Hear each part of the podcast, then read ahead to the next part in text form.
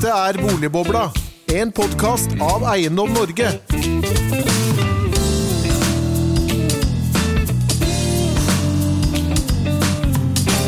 Hjertelig velkommen til en ny episode av Boligbobla, denne gang om kredittrasjonering i lavrentens tidsalder. For 28. september 2020 varslet Finanstilsynet at de igjen vil stramme inn på utlånsreguleringen, årets forslag er mer eller mindre identisk med hva tilsynet fremmet eh, høsten 2019 i, i fjor. I fjor fikk tilsynet ikke støtte fra Norges Bank, og det har de heller ikke fått i år. Dessuten har motstanden til strammere kredittredning fra berørte næringer også i år vært massiv. Hva nå for boliglånsforskriften og utlånsreguleringen, spør vi, og er kredittrasjonering svaret i lavrentens tidsalder, eller er det andre strukturelle grøp som er løsningen på en for sterk gjeldsoppbygging i det norske samfunnet? For å ta oss gjennom dette utmerkede temaet har vi fått noen flotte gjester. Eh, administrerende direktør i Finans Norge, Idar Kreutzer, hjertelig velkommen til deg. Tusen takk. Og direkte fra Porsgrunn, uh, hjertelig velkommen til deg, André Anundsen. Tredje gang i Boliglobla fra Housing Lab. Hei, hei. Takk skal du ha. Og hjertelig velkommen til deg, Henning Lauritzen, alltid med i Boligbobla. Du la noen, frem noen boligpriser her uh, for kort tid siden, for, for september. Uh, alle var overrasket. Kan du gi oss en liten, en liten oppsummering? Ja, alle var litt overrasket, fordi det som er det vanlige i september, det er at boligprisene går ned. Nå gikk de for første gang på uendelig lenge litt grann opp, 0,4% og det er faktisk relativt mye. Det er 1,3% over det normale. Og så eh, er kanskje det som var mest spesielt i september, det var at det ble solgt fryktelig mange boliger. Så det volumet, sterke volumet som veldig, fortsetter? Veldig sterkt volum. 16,8% flere boliger enn i september i fjor, som også var et veldig sterkt år. Så, så her kan man jo på en måte si at uh, under korona så kjøper folk bolig oftere enn vanlig. Nei, for vi, vi, sa jo sist eh, måned, altså, da vi presenterte augusttallene, at, at eh, vi, nå, vi, nå, trodde, trodde nullrenten var priset inn i, i markedet, men så, men så, fortsetter det. Ja, ja vi, vi, trodde jo at nullrenten i stor grad var priset inn i markedet, og det tror vi i ganske stor grad fortsatt. Men, eh, men nå er nok også ganske mange ting volumdrevet når det selges så mange ekstra boliger, såpass mange på markedet så kan nok det bidra til at, at man rører litt på prisene. Idar, hva, hva, jeg må stille spørs, sportsspørsmålet. Hva, hva, følte du da Finanstilsynet den 28. kom med nok et forslag til innstramming av utlånsreguleringen? Here we go again. Ja, ja det. For det var jo mer eller mindre det samme som de foreslo før? Ja, det var det. Um, altså uh, Det er jo en sånn Kartagoer uh, ute, ute, og går. Altså, men, men, du vet at uh, vi er jo ikke overrasket over at Finanstilsynet mener det de mener. De har ment det lenge, eh, sagt uh, høyt og tydelig, og gjentatt det med uh, en viss regelmessighet. Men du vet at et galt tiltak blir ikke riktig selv om det, forslaget gjentas. og vi, vi, mener jo at dette ikke er et hensiktsmessig tiltak. og I tillegg så mener vi jo at, at timingen er veldig uheldig, på grensen til å være helt håpløs. Så øh, vi har veldig tydelig sagt ifra at uh, vi anbefaler Finansdepartementet ikke å lytte til Finanstilsynets råd denne gangen. Mm. André, du har jo også vært tilhørt kritikerne, eller dere, da, i Boligmarkedsforskningssenteret, må jeg kanskje kunne si. Eh, Finanstilsynet hører ikke på noen. Nå er det samme forslaget igjen. Og, og dere, det var et innspillsmøte med da, daværende finansminister Siv Jensen i, i fjor, hvor, hva skal man kalle det, dere i Housing Lab, dere radbrakk jo dette forslaget. Hvorfor det? Ja, nei, altså Min eller vår posisjon har ikke endra seg siden den tid. Eh, nå lytta jo ikke Finansdepartementet til forslaget den gang. Nå vet ikke vi hvilken grad vi påvirka det. Men eh, vi tenker jo det samme. At eh, det som er viktig, er å tenke på hva som er det underliggende problemet. Og det vi sa den gang, var det er flere måter man kan få høy gjeld på. Eh, en naturlig måte er at boligprisene er høye, og folk må ta opp mye lån for å kjøpe bolig. Og da må man jo stille seg spørsmålet hvorfor boligprisene er høye. Og det vi da snakka om, var at vi tror at det skyldes nok en mismatch mellom hva som bygges, hvor det bygges, og hvor etterspørselen, og også den latente etterspørselen, etter boliger er. Og det er klart, Bygges det ikke nok boliger og riktige boliger eh, de riktige stedene, så blir jo prisene høyere. Og hvis prisene blir høyere, da må folk også ta opp høyere gjeld, og da får du også høyere gjeldsgrad, som eh, tilsynet er bekymra for. Men da ligger jo problemet et helt annet sted. Da ligger problemet på tilbudssida. Hva kan vi gjøre for å styrke tilbudssida av boligmarkedet? Og det er jo ikke etterspørsels- eller kredittrasjonering som er svaret på det. Det er jo å gå gjennom reguleringer og lempe på reguleringer som går på byggnæringen. Det var det vi argumenterte for da, og så ved enda. Mm. Idar? Jeg deler jo helt den vurderingen. Eh, Og i tillegg så er det jo faktisk sånn at eh, kredittrasjonering eh, i den situasjonen vi nå er i, ikke bare ikke løser problemet, men det kan jo bidra til å gjøre det større. Vi får jo nå anekdotisk tilbakemelding fra våre medlemmer at ordrereserven på igangsetting av nye boliger er på vei ned. Eh, Og dere kan jo tenke dere hva slags signal det vil være til de som sitter med prosjekter som de lurer på på marginen. Skal vi nå starte opp, eller skal vi vente litt til? Hvis man nå får en innstramning, en ytterligere innstramning på ø, utlånssiden, så vil det være et signal til de som skal bygge nye boliger, at vent litt til. Og de effektene har vi sett tidligere. Mm. Finanskrisen, typisk, da. Ja, ikke sant? Altså, du, hvor, hvor du da ser at uh, igangsettingstakten faller, og da får vi et stort problem i boligmarkedet noen år etterpå, fordi uh, tilbudet ikke står i forhold til, etterspørselen. Jeg jeg tror det er veldig viktig at vi gjør som André eh, sier, at for å få balanse i dette markedet over tid, så må vi se på balanse mellom tilbud og etterspørsel. Og tiltak nå som kan bidra til ytterligere å begrense tilbudet, vil være svært uheldig. Henning? Eh, Forlånsforskriften er feil medisin, men riktig beskrivelse, eller hva? Er Ja, hva skal til for å få opp tilbudssiden? Her, her er det jo Det er jo ulike steder i landet hvor, eh, hvor, det, hvor det er veldig ulikt behov i, eh, for nye boliger. Og, og Østlands sentrale østlandsområde, Oslo-regionen, utpeker seg jo i særdeleshet som et område hvor det er bygd veldig lite de siste 20 årene i forhold til befolkningsveksten. Vi vet det kommer til å bli bygd enda mindre enn det er gjort de, de siste årene, de, de nærmeste årene. Og vi vet også at SSB regner med at vi får halvparten av landets befolkningsvekst i Oslo-området. Og, og det betyr at uh, her, her er det egentlig det å forsøke å gå løs på selve problemet, styrke tilbudssiden, som vil være hovedsvaret på, på hva man kan gjøre for å slippe kredittrasjonering. Mm. Vi pleier å si at boligpriser er politikk. Dette er jo i aller høyeste grad et politisk spørsmål, å bygge, bygge nok. Ja, det er jo det, og det er, bare for å ta akkurat den, den siden av det, så så er det jo eh, noe som dessverre ikke finnes veldig sterke politiske krefter for der hvor det er de største problemene å gjøre noe med det. Så, så jeg vil jo si, her, her kan man egentlig savne en politiker som ser på dette som sitt prosjekt, og får gjort noe med denne boligbyggingen. Og hvis man beveger seg da et nivå ned, for det er helt riktig det Henning sier, altså hvis vi beveger oss et nivå ned, så er det noe, en del som tyder på at det er tre temaer som, som dukker opp. Eh, det ene temaet det går på uh, tomtetilgang, ikke sant, at det er en sånn root cause. Uh, og at det er lite tomtetilgang. Uh, man har tatt ut mye av det fortetningspotensialet i en del av pressområdene, og det er ikke sånn åpenbart hvor du skal finne tomter for nye boligprosjekter. Det andre temaet, det henger sammen med det, og det er hvordan definerer du boligregionen?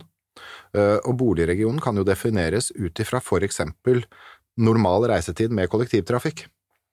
Eh, Vi vet at boligprisene faller, altså hvis du setter passespissen i Oslo sentrum, så faller boligprisen til det halve eh, hvis du beveger deg 40 minutter bort fra sentrum, basert på normal kollektivtrafikk. Men da er det også ganske viktig å se hvordan kan vi påvirke den definisjonen av boligregionen. Og, og da kommer for eksempel Ringerikstunnelen inn i vår region. Eh, mange ser jo på Ringerikstunnelen som et virkemiddel for å komme fortere til Bergen, eller eventuelt fortere fra, fra Bergen. Det, det er det også, da. Men, og det, begge deler kan være av interesse, men det viktigste med Ringerikstunnelen, det er jo at det kan være med å redefinere boligregionen for uh, Oslo. Ja. Ikke sant? Fordi du åpner Ringerike uh, som en, en relevant boligregion. 20 minutter fra Sandvika, det gjør noe, det. Ja, altså. det, det betyr innmari mye. Ja. Uh, og jeg, jeg tror vi skal se på en del av infrastrukturinvesteringene våre i det perspektivet. Fordi de presstendensene som vi har sett på boligmarkedet i storbyregionene våre, de har jo som en direkte implikasjon at det er en del som får problemer med å komme inn i boligmarkedet. Men de indirekte implikasjonene, det er jo at pressproblemene blir større enn de der positive effektene som du får. Og hvis du klarer å redefinere boligregionen, så tar du ut en del av press. Vi må bygge, bygge sentralitet, rett og slett. Det er det akkurat det. Så det, det er liksom tema to. Det tredje tema da, som jeg bare har lyst til å nevne kort, det er produktivitetsutviklingen i byggenæringen. Fordi hvis det er lav produktivitetsutvikling i byggenæringen, så vil jo det i seg selv bidra til å presse opp prisnivået. Uh, og det er to grunner til uh, at det kan ha vært altså Det er mye som tyder på at det har vært lav produktivitetsutvikling. og Det kan være to grunner. Det ene er næringen selv. Uh, det andre det er hvilke krav vi legger på boligene. Uh, og, og, det vi registrerer, er at veldig mange politiske mål og formål blir lagt inn i boligpolitikken. uh, ikke sant? Sånn at det å være litt edruelig i forhold til hvilke krav man stiller, slik at det er mulig å bygge effektivt uh, rimelige boliger som folk vil ha, det, det, tror jeg også er et poeng. André, her var det jo mange ting for deg å kanskje kommentere på. Er det sentralitet, tomter, produktivitet? Ja, jeg tror jeg er veldig enig i det som sies. og det vi også så i fjor, var at vi hadde denne Norwegian Housing Market Watch, hvor vi eh, på Housing Lab får noen til å skrive for oss. Så I fjor var det Anders Lund fra Eiendomsverdi og Øystein Børsum. Og Øystein gikk jo rett inn på det vi nå egentlig snakker om. Eh, betydningen av avstand med kollektivtransport til byene, eller i det tilfellet da til Oslo.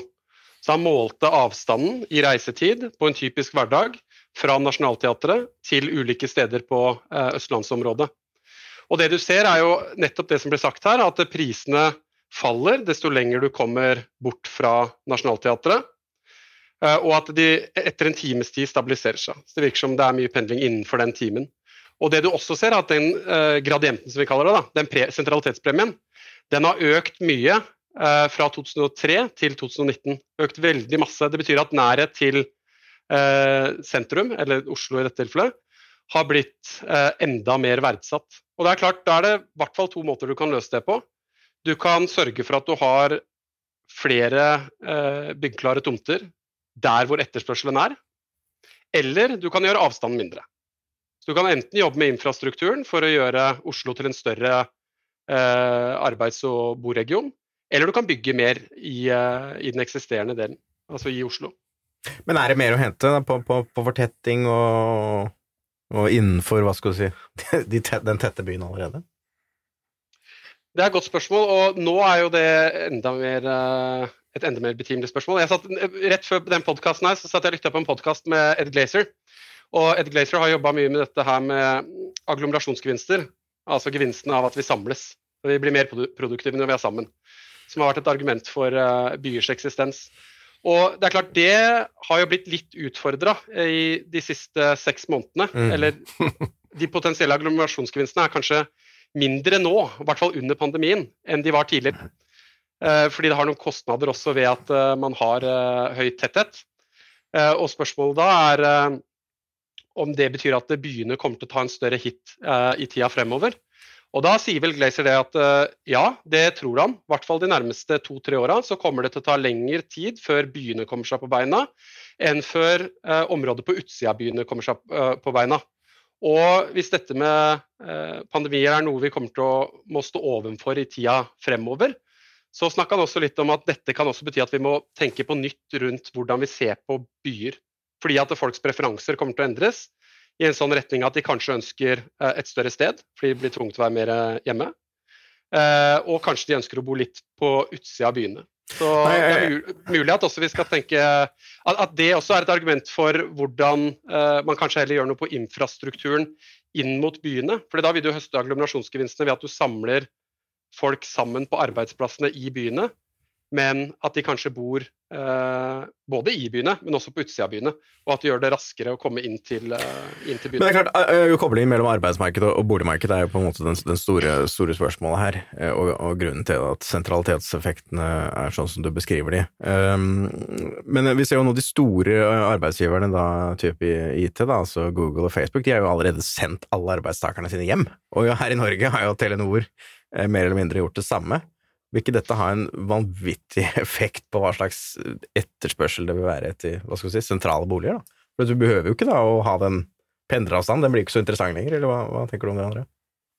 Nei, i aller høyeste grad. Og det er det interessante spørsmålet nå. For det virker å være litt, to litt ulike posisjoner. Eh, noen som mener at eh, we're taking back the office, og andre som mener at nei, nå har vi kommet til den tida hvor vi tar i bruk teknologien. Vi ser at eh, Zoom, Teams og sånn fungerer. Sånn at det blir en mer frikobling mellom arbeid og, og boligmarked. Eh, så får vi se hva tiden bringer. Men jeg er nok litt sånn eh, midt imellom der. At jeg tror at eh, kanskje vi kommer til å, at byene i alle fall kommer til å være et samlepunkt for kunnskapen. Så at bedriftene er der, så at det er huber hvor man reiser inn og jobber, men at du kanskje ser at folk vil bosette seg eh både i byene, men også lenger unna byene. fordi behovet for altså, å at reise inn på forstadene får en ny, ny renessanse, er det det? på en måte? Der? Ja, det er det jeg tenker. Eh, Idar, hva, hva tenker du om det, det det trendbildet, om man kan kalle det det, som André beskriver? Eh, Det, det som er interessant med dette, er jo at det er ingen av oss som har fasitsvar. Ikke sant? Så dette her er vi har Det er fantastiske hypoteser, det. Ja, jeg veldig ålreit. Nei, altså, to-tre interessante perspektiver syns jeg på det der. Det ene, det går på disse såkalte agglomerasjonsgevinstene. Fantastisk ord. Ikke sant? Det, det, en annen måte å se på det, det er jo sånn samspillsgevinster. Mm. Ikke sant? Gevinster av at vi samspiller effektivt. På tvers av veldig mange sånne rare skiller, med både alder og kultur og bakgrunn og øh, ulike jobbsteder og sånn. Uh, og hvis boligmarkedet blir for Altså hvis boligprisene blir for høye, så faller disse effektene. Fordi da blir det en seleksjon, at det er bare de som har den type jobb, som gir den type inntekt, som gjør at de kan kjøpe bolig på det området som blir der. Eh, og da faller disse effektene. Så, så også for å opprettholde produktivitetseffekten av disse samspillsmekanismene, så er det viktig at det er et boligmarked for alle. Så det er liksom det ene perspektivet. Det andre perspektivet, tror jeg, som er viktig i, i oppfølgingen av det André er innom, det er jo det at selv om jobben og arbeidsstedet blir mindre viktig som sosial arena, så slutter jo ikke vi å være sosiale øh, individer. Forhåpentligvis ikke. Det er jo forbud mot ti samlinger. Jo, jo, jo, men, det, det betyr at det blir flyttet et annet sted, bare. Mm. Uh, og jeg tror jo at det urbane kommer til å ha den attraksjonsgevinsten også fremover. Mm. Ja, det er bare å se på antall uterestauranter i Oslo, altså så ser du hvor det vi er når vi ikke er på, på, på kontoret. Uh, så, så jeg tror at den der urbane attraksjonen kommer til å opprettholdes. Det er ikke sånn at vi plutselig går fra å være veldig urbane og like å være sammen med masse mennesker og være veldig sosiale, til at vi har lyst til å sitte på en sånn hageflekk i, i rekkehuset langt, eh, langt av gårde, nødvendigvis. Eh, og bare være der. Ja, nei, eh, Ikke sant? Ja, ja, og så vil jeg jo si det er et annet perspektiv også. Altså, vi har eierlinjen i Norge som har vært særdeles vellykket innenfor boligpolitikken. Folk som eier har trygghet. Jeg vil si de har frihet både fra hva skal man si, gårdeieren og fra staten. Og eh, ja, arbeidsdeltakelse, studier osv. har også sammenheng med eierskapet. Så eh, det vi jo har sett enkelte andre land, eh, Storbritannia er et veldig godt eksempel, det er at når boligprisene blir fryktelig høye, så synker eierandelen, og veldig, veldig mye i noen grupper. Og vi ser tendenser til det i Norge også. Mm. vi Lavinntektsgrupper, jo deltidsarbeidende, er eh, mindre grad eiere i dag enn det de var tidligere. Men Henning, du har jo også fått eh, beregnet av hva, sykepleierindeksen, eh, hvordan den ville sett ut eh, for i år, hvis, hvis da Finanstilsynets forslag hadde blitt, eh, blitt en realitet. Hva er det den egentlig viser? Nei, eh, syke, altså, Sykepleierindeksen måler jo hvor mye en, en gjennomsnittlig sykepleierlønn eh, kan, enslig sykepleier kan kjøpe. Og, og resultatet er helt katastrofalt eh, for Finanstilsynets forslag i Oslo-området. Altså Oslo under 1% av boligene. Og, og så vet vi at veldig mange yrkesgrupper de tjener mindre enn sykepleieren. De som jobber i barnehagen, de som er elektrikere osv. Eh, hoteller, restauranter, de, mindre, eh, de tjener mindre enn sykepleieren alle sammen. Så, så dette vil være en ganske effektiv måte hvis man vil stenge byen for store grupper. Og så ser vi andre steder i landet. Tromsø 8% Trondheim 16,5 Altså man er full fart mot å stenge de Så det, byene det, også. det er ikke med, med, med en fire og en halv gang, så er det ikke bare øst, sentrale Østlandet som er en utfordring, det, det er mange andre steder også. Ja, Det er ikke bare sentrale Østlandet, og det, og det er på en måte ikke bare Oslo vest og Oslo sentrum, sånn som mange tror, men det er, er faktisk hele byer som, som da langsomt lukker seg. Men Idar, hva, hva tenker du om det? Du representerer jo da de som, de som gjør at eh, det norske folk kan bli boligeiere, gjennom å gi dem boliglån. Rett og slett. Mm. Hva tenker du om det, det bildet som sykepleierindeksen da tegner? Nei, det, er, det, er jo, det er jo symptomet på det problemet som vi, som vi diskuterer. Eh, og vi mener jo at vi bør ha effektive boligregioner med boligtilbud til alle, eh, også i pressområdene. Eh, og, og da er det vanskelig å se at det er noen vei utenom å se på tilbudssiden, se på infrastruktur, hvordan du definerer boligregionen, og hvilken dynamikk vi får til på, på lang sikt. I det korte bildet så er det jo ikke noe tvil om at eh, at, tiltak, altså at elementer som inntekt, rentenivå og spiller en effekt. Men i, for å skape langsiktig balanse i dette markedet, så er det tilbudssiden som vi må jobbe med. Når det er sagt, så, så har jeg også lyst til å si, det er bare sånn for uh, helheten av dette bildet, at uh, vi mener jo at uh, den boliglånsforskriften som vi nå har, langt på vei har fungert etter hensikten i den perioden vi nå har bak oss. For Gjeldsveksten har gått ned da de siste ja. tre årene. Mm. Ja, og i tillegg så har vi jo Altså, det er jo ingen i vår næring som ønsker at man skal ha en konkurranse som baserer seg på at vi tar høyere risiko enn andre. Altså kom til oss, for hos oss er det sjugangeren. Ja, altså det er risiko mellom uh, bankene, tenker du? Ja. ja mm. nei, det, det, ingen ønsker jo det, ikke sant. Så, uh, og med det lave rentenivået vi har hatt, så har det jo vært en underliggende sånn For det er jo nesten gratis å låne penger, må man nesten ja, ja, det er det. på en måte si. Men, men det er to premisser to veldig viktige premisser for at uh, vi kan si at den har vært vellykket. Det ene er at den er tidsbegrenset. Det er en sånn rullerende 18 måneder. At beslutningen ligger hos Finansdepartementet, som har et politisk ansvar, mm. og ikke bare et sånt snevert, mm. endimensjonalt ansvar. De må bære de politiske konsekvensene av hvordan man disponerer dette, og den er mm. tidsbegrenset. Det er liksom det ene poenget. Og det andre som er uhyre viktig, det er jo fleksibilitetskvoten. Mm. Fordi den gjør det mulig å ta ut de utilsiktede konsekvensene uh, av en så streng regulering som det vi nå har.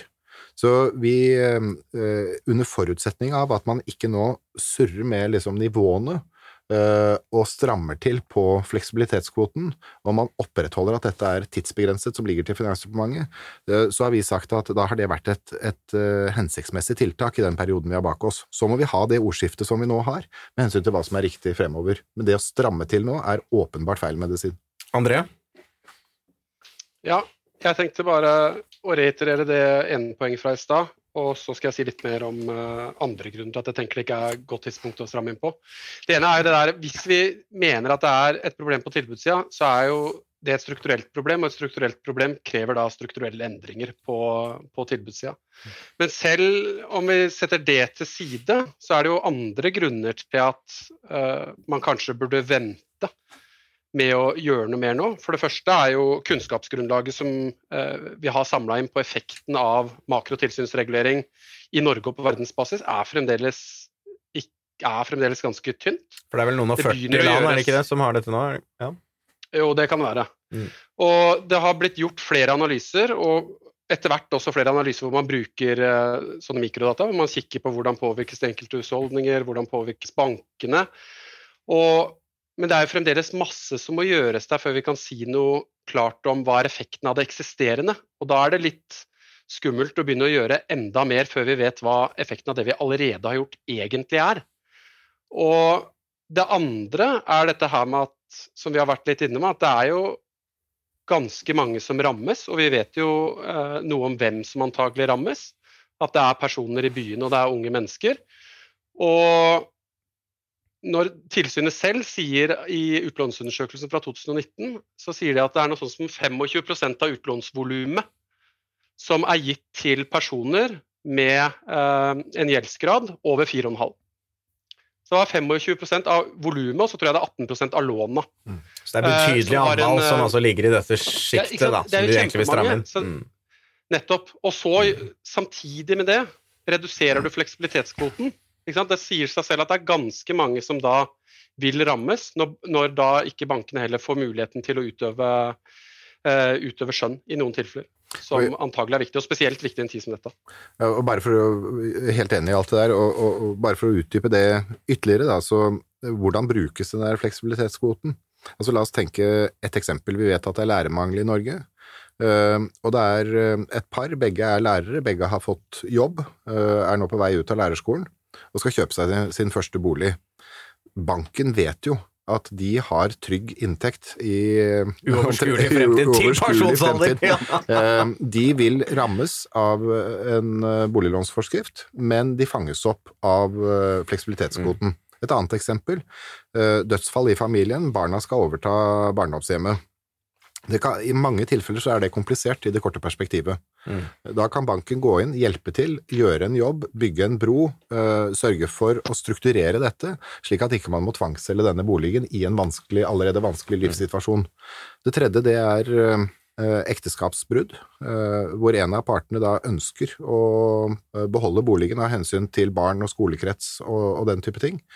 Eh, Der er bankene setter seg ned, eh, er konstruktive, finner gode løsninger og bygget denne broen. Det har vi jo gjort til all tid. Mm. Og jeg tror det sånn sosialpolitisk er ønskelig at man skal ha den muligheten.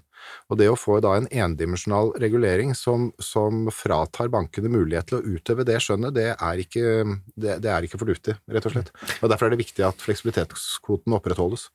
Henning, vi, vi har jo foreslått altså en, en, en unntak fra forskriften hvis man binder renten. Hva, hva, er det, hva, er det, hva er det du eller vi har foreslått? Ja, eh, Bare før jeg sier det, så må, jeg- så må jeg inn på et par sånne små observasjoner jeg har gjort rundt debatten om boliglånsforskriften. Og, og det jeg av og til opplever, at eh, det er en sånn slags moralsk debatt.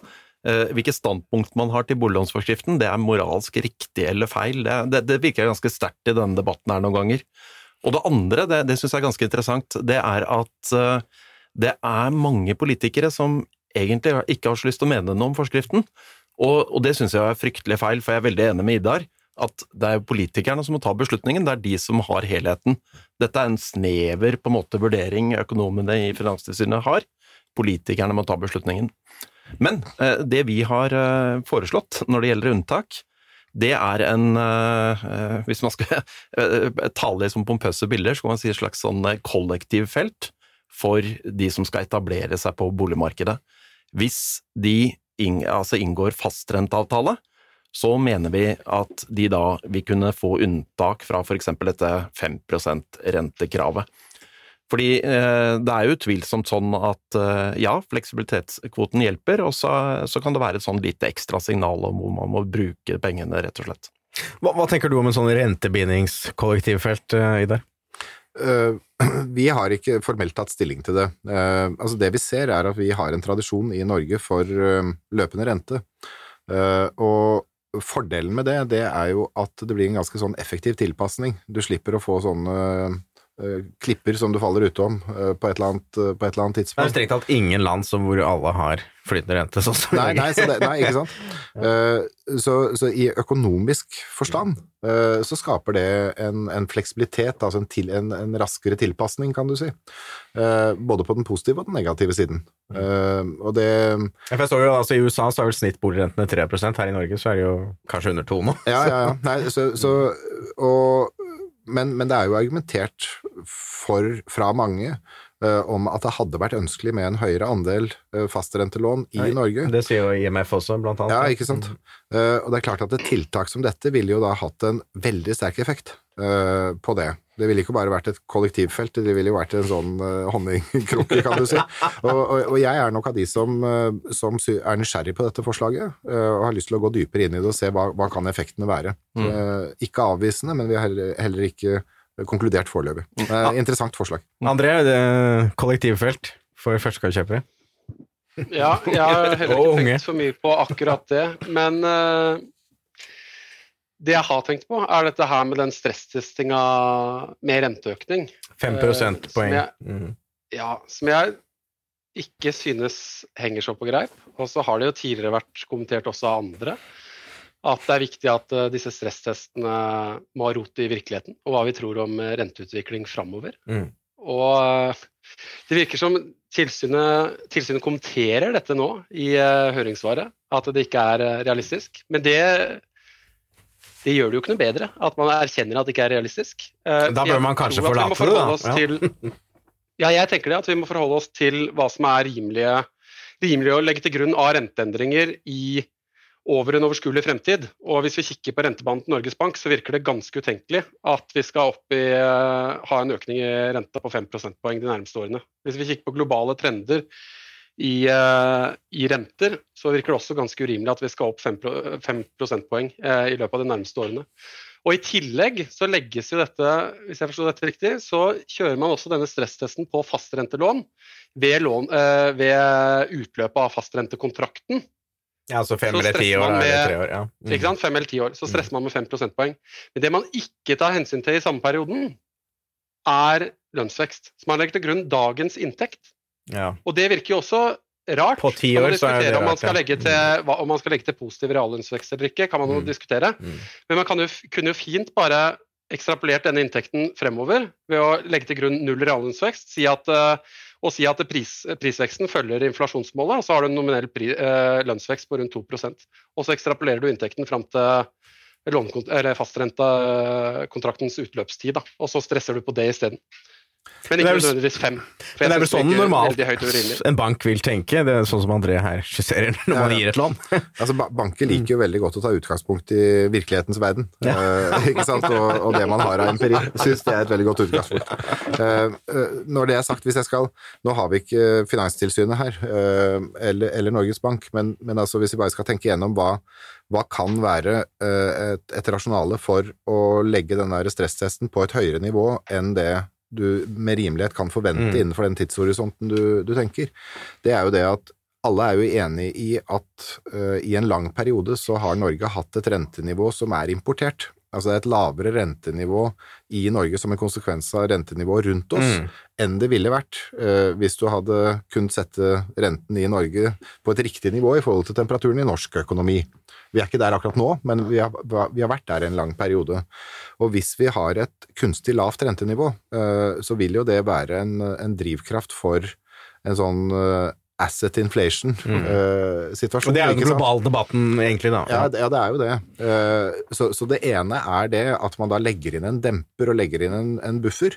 Det andre det er det at for oss, det som er flipsiden av at vi har veldig høy andel eiere i det boligmarkedet i Norge, er at konsekvensene av et krasj er uh, disastrous, uh, ikke sant? For husholdningene? Ja, ja, ikke sant. Mm. Ingen ønsker å komme dit. Så hvis du skal se på argumentene for å, å legge den stresstesten på et relativt høyt nivå, uh, så, så, tror jeg det er de to argumentene man ville fremført. Eh, men, men, men, er det sånn at eh, det er noe grunnlag nå for å stramme til dette ytterligere? Absolutt ikke. Mm. 5 eh, er veldig aggressiv stresstest. Altså, det er det ingen tvil om. Svært konservativt. André, og så har jeg ett ting vi må komme inn på før vi avslutter. ja, jeg tenker også det er fornuftig med en stresstest. Og så tror jeg også i det bankene tenker at det er fornuftig, så har du noe selvregulerende ved det. For da vil bankene også tenke, selv i fravær av av, en, uh, av, en, formell offentlig reguler, statlig regulering. Så vil bankene tilpassa kanskje å gjøre noen stresstester. Men da vet bankene kanskje selv best hvilket mm. nivå de skal stresse på. Og nå skal ikke jeg gjette på hvilket nivå det er, men jeg tror det nivået er ganske forskjellig fra 5 på. Mm. Ja, og, og, jeg kan jo bekrefte bankene gjorde jo stresstester før boliglånsretningslinjene mm. kom, og de kommer til å gjøre det etter at de har forsvunnet. Mm. Uh, så det, det, det, kan jeg bekrefte. Men en ting som, som jeg har alltid har lurt på, og som også vi hadde jo Norges Bank på besøk her i fjor, og det er jo diskusjonen hva er et bærekraftig gjeldsnivå for det norske samfunnet? Uh, Henning nevnte jo her moral, men det er jo en slags sånn moralsk indignasjon som ligger også bak gjeldsnivå, særlig når du da sammenligner det med andre land. Det er jo egentlig ikke representativt f.eks. at vi har mer gjeld per capita enn Danmark. Norge er jo et ekstremt mye rikere land. Hva tenker du om hva som er et bærekraftig gjeldsnivå liksom, for det norske samfunnet? Om vi nå har fått ned hva skal vi si, tolvmånedersveksten på, på, på gjeldsutviklingen og sånne ting? Altså det, det, henger jo sammen med de helt fundamentale faktorene. ikke sant? Altså Disponibel inntekt etter uh, rente uh, og avdragsbelastning. Uh, og at det skal være da på et bærekraftig nivå for norske husholdninger. Altså gjelden den enkelte husholdning kan bære? Ja, ikke sant. Mm. og sånn som vi har tenkt rundt det, så, så er jo endringen er viktigere enn uh, enn uh, nivået. Uh, endringen, altså veksten, veksten, eller Og det vi konstaterer, er at veksten, gjeldsveksten i husholdningene, har avtatt og er nå ganske flat. Mm. vi ser at rentebelastningen i prosent av disponibel mm. inntekt har falt gjennom lang tid, i tråd med mm. at rentenivået har falt. Eh, nordmenn har opplevd reallønnsøkning i mange av de mm. årene som vi har bak oss. Ja, vi så det var en note i, i altså, siste pengepolitisk rapport hvor det var at uh, boligprisveksten de siste 20 årene ifølge Norges Bank kunne forklares av fundamentale faktorer. Ja, det, ikke sant? og det, det, er jo også det vi sier. Uh, det, er ikke, det, er ikke, noe som indikerer en boligboble i Norge, det er mm. fundamentale faktorer som forklarer dette. Og Hvis du også ser på de husholdningene som man antar er mest utsatt, så er jo det de som har kombinasjonen av lav inntekt, høy eh, gjeldsgrad mm. uh, og eh, lav sikkerhet. Mm. Eh, og det er jo det som eh, Norges Bank ser på, og andelen der har jo falt de senere årene, og er på et eh, relativt lavt nivå. Så det er færre sårbare husholdninger. Ja, det, ikke sant. Det er jo det. Eh, eh, men når alt det der er sagt, da, eh, hvis vi ser globalt på det, så er det jo all grunn til å tenke igjennom den der gjeldsoppbyggingen som har skjedd. Så det at vi skal ha, et offentlig ordskifte rundt gjeld og gjeldsnivå, det er vi veldig opptatt av. Eh, Veldig, veldig, veldig viktig. Men er det sånn nå at norske husholdninger er spesielt sårbare? Vi ser ikke det fra tallene. André, hva, hva tenker du om et bærekraftig gjeldsnivå for det norske samfunnet? Det er et godt spørsmål. Nå har dere snakka litt om uh, mikro, uh, mikrobetraktningene ved det. Så jeg tenkte å snakke litt mer om makrobetraktningene, som kanskje også er det uh, tilsyn også har snakka mye om.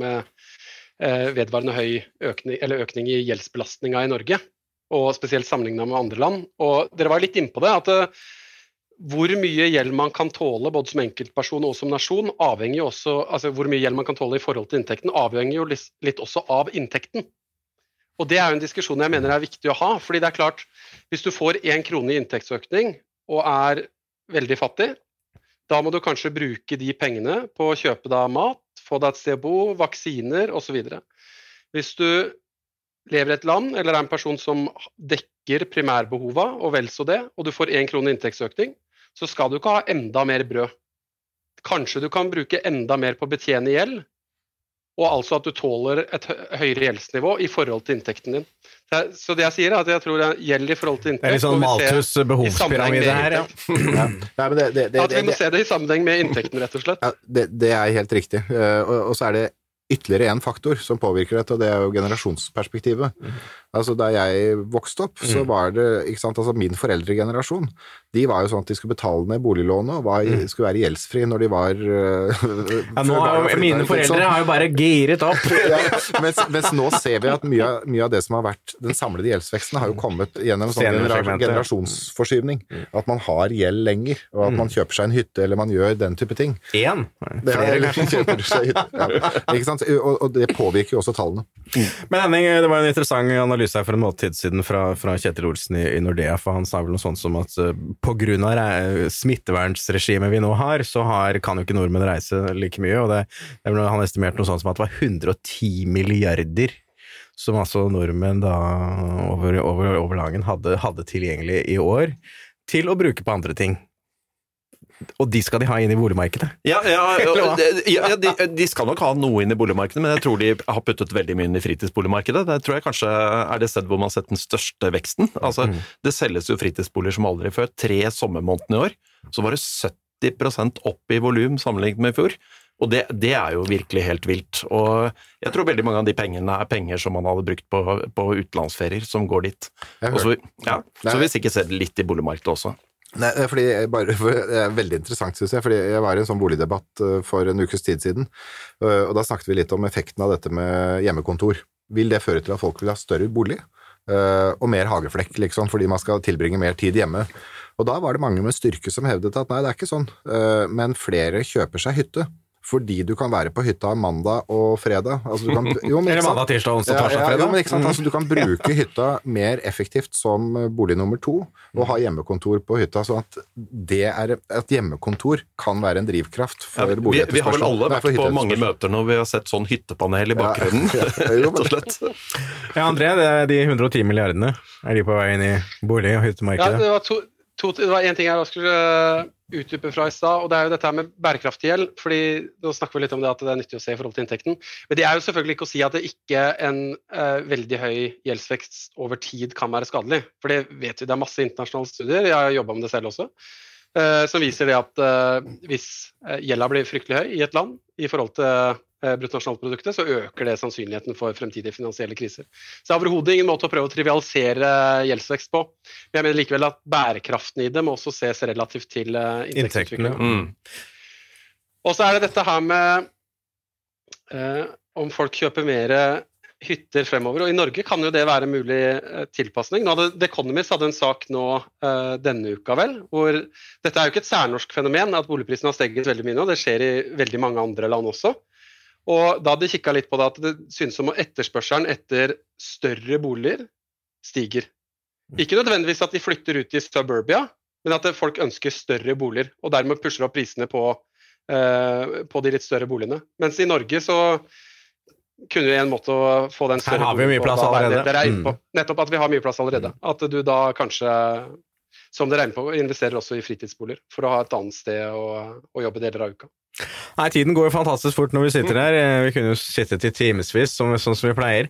Eh, så vi må gå inn for landing, men vi har jo alltid en fast spalte på, på slutten av hver episode. og Vi spør gjestene våre hva, var din første bolig, hva, hva kjente du, hva, hva følte du? And- André, du har jo vært med tidligere, men du har vært ute i boligmarkedet siden sist. Hva, hva fikk, du, eh, fikk du nytte av all den teoretiske og empiriske kunnskapen du har hatt i Norges Bank og Housing Lab? Det kan jeg jo kanskje spørre deg. Nei, svaret er nei. nei ja, men eh, Nei, første bolig har jeg fortalt deg om en annen gang. Men eh, ja, jeg var relativt nylig ute, både og solgte og kjøpte. Så du fikk ikke noe, solgte- ikke noe nytte av budforskningen i, i Boligmarkedsforskningssenteret? Jo da, da jeg kjøpte, men så var jeg litt uheldig da jeg solgte. Så jeg gikk sånn uh, røftlig Ja. Vinninga gikk opp i spinninga. Det er ofte sånn. Idar, din, din første bolig, hva, hva, når var det? Hva kjente du, hva følte du?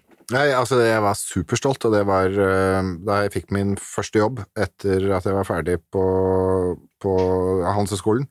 Eh, Så kjøpte jeg meg en 37 kvadratmeter i Bygdøy allé, eh, og det viste seg å være en, en grei Når, var dette her, da? Nei, det var Altså, det var Jeg kom inn akkurat Altså, jeg kom inn i 86.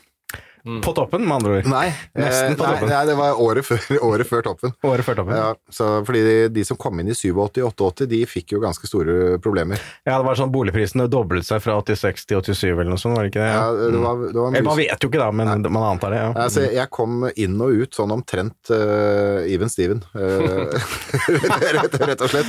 Så så jeg vet hva uro i boligmarkedet representerer. Så du, du, betalte, du betalte nok, altså, med andre ord.